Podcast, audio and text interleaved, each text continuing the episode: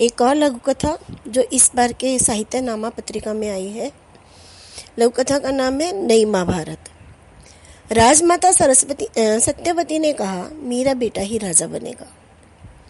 कुल से बाहर की स्त्री का बेटा राजा, मूर्ख और अयोग्य राजा, वह भी पूरे देश का।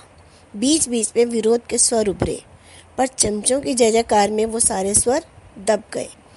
पितामह ने पिता राजमाता की आज्ञा का सम्मान करते हुए गद्दी स्वेच्छा से छोड़ दी। विचित्र वीर्य के कमज़ोर हाथों में सिंहासन डोल गया। सत्ता डगमगा गई।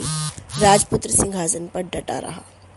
राजमाता पुत्र को सिंहासन पर आरूढ़ होते हुए देखकर खुश होती रही।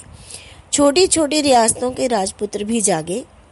अगर सत्ता का सुख भोग सकता है तो हम क्यों नहीं? हर रियासत में हाहाकार मच गया। महाभारत के शंख बजने लगे। राजपुत्र आज भी निश्चिंत है। चमचों के रहते, उसे और उसकी गुद्दी को कोई खतरा नहीं है। शुक्रिया।